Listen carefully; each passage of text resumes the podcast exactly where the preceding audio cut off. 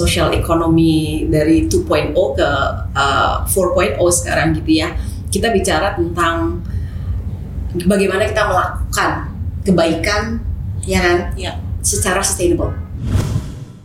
Hai sahabat Iksa, selamat datang kembali di Iksa Podcast hari ini. Saya dengan Naomi, your host for Iksa Podcast.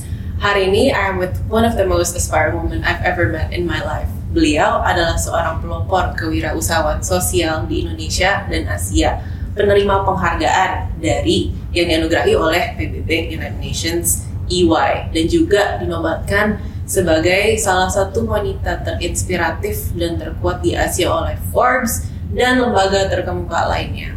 Melalui bantuan pendidikan dan finansial, Ibu Veronica Kolonda membawa dampak dan transformasi bagi pemuda di Indonesia.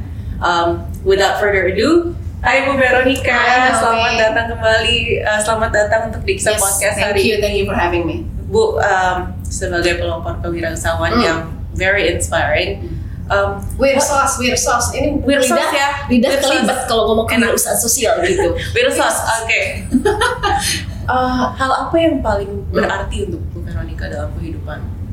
Melihat perubahan. Melihat perubahan. Iya, karena I think it's addicting. addicting good. Uh, karena ketika kita berbuat sesuatu dan melihat ada transformasi yang terjadi, itu sih paling asik gitu. Dan makanya kita nggak boleh detach ya dari objek atau dari orang yang kita layani gitu. Jadi memang sesekali ya memang harus turun berusukan istilahnya gitu kan untuk bicara dengan mereka untuk tahu sebenarnya apa yang mereka butuhkan bukan apa yang kita pikir mereka butuhkan beda banget tuh hasilnya dan I think that's um, a very heartwarming itu kayak oh my gosh dan selalu jadi banyak yang kita bisa syukuri ya Ya. uh, dalam hidup ini dan nanti karena kita bersyukur kita jadi lebih happy kan that's that's the formula no Wow, that is very humbling, Vera. How do you do the things that you do? Oh, I got team, of course. Timnya yang uh, juga orang-orang yang memang terpanggil ya untuk melayani gitu dan zaman dulu waktu YCAP pertama mungkin 20 hampir 24 tahun yang lalu ya mungkin yang mau melayani aja titik gitu ya. Tapi sekarang dengan uh, berkembangnya zaman dengan digital transformasi yang terjadi ini kalau social economy dari 2.0 ke uh, 4.0 sekarang gitu ya kita bicara tentang bagaimana kita melakukan kebaikan ya kan? Ya. secara sustainable secara berkesinambungan.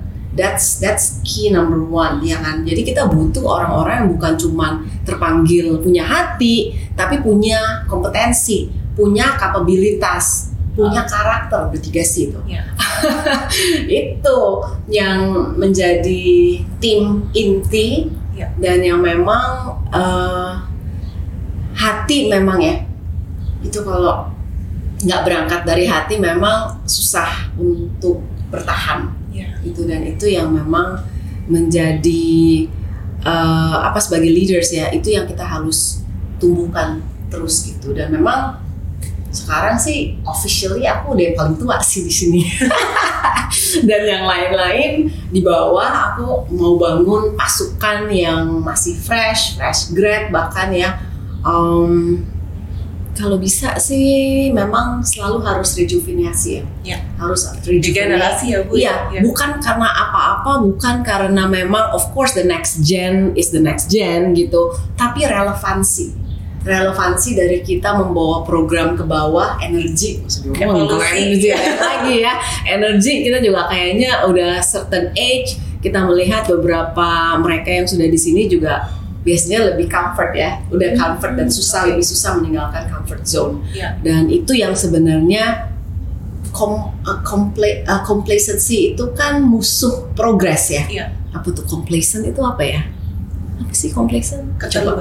Keterlibatan. Bukan complacent tuh kayak merasa udah nyaman, udah tenang, udah comfort itu. Nggak mau itu berubah gitu ya? enemies, itu musuh nomor satu dari progress gitu. Dan saya pikir kita kalau tetap mau progressing, kita tetap mau maju, kita tetap mau baik dalam pelayanan kita dan bukan saja doing good, but Iya. doing good well, ya kan? doing good well itu kan artinya sustainability ada ada napas panjang gitu kan. Makanya tim baru ini harus terus lahir gitu. Dan salah satunya adalah key di regenerasi. Iya regenerasi. Dan I think that's the biggest challenge of leaders, any leaders kalau menjadi pemimpin ya itu. Menginstill that values, ya kan? Values kan kita kalau di YCAP ini ada valuesnya. I serve, I in- uh, kan integrity S-nya service ya kan dan lain sebagainya ada excellence ada uh, yang lain-lain itu tapi itu core value yang memang harus di enkulturisasi gitu harus dijadiin culture nah Jadi itu DNA that's the gitu ya? hardest part Wow. untuk untuk any leaders gitu tapi makanya kita kan bersusun ya Ya. jadi dari saya ke inner circle, inner circle aku kita bilang konstelasi kan, constellation of of of, of leaders yang my inner circle lah gitu kan. Di, di mereka juga mereka leaders in their own inner circles. Ya. Ya kan jadi emang bersusun gitu modelnya.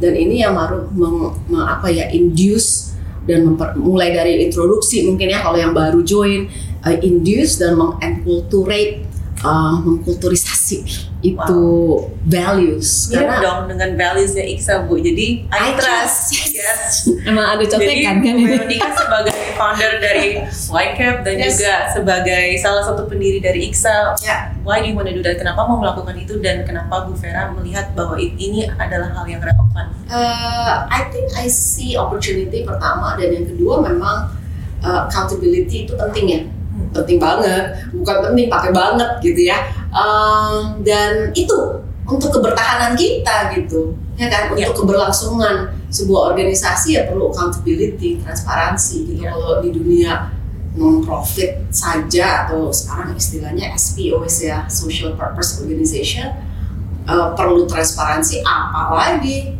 ya kan yang uh, Kristen atau membawa panji-panji uh, Tuhan gitu ya Iya. itu kan harus banget transparan, accountable dan dan bisa sustainable sehingga ke depannya sustainable. Transparan, akuntabel, dan sustainable. Let's watch that in the next episode. Terima kasih Bu Vera.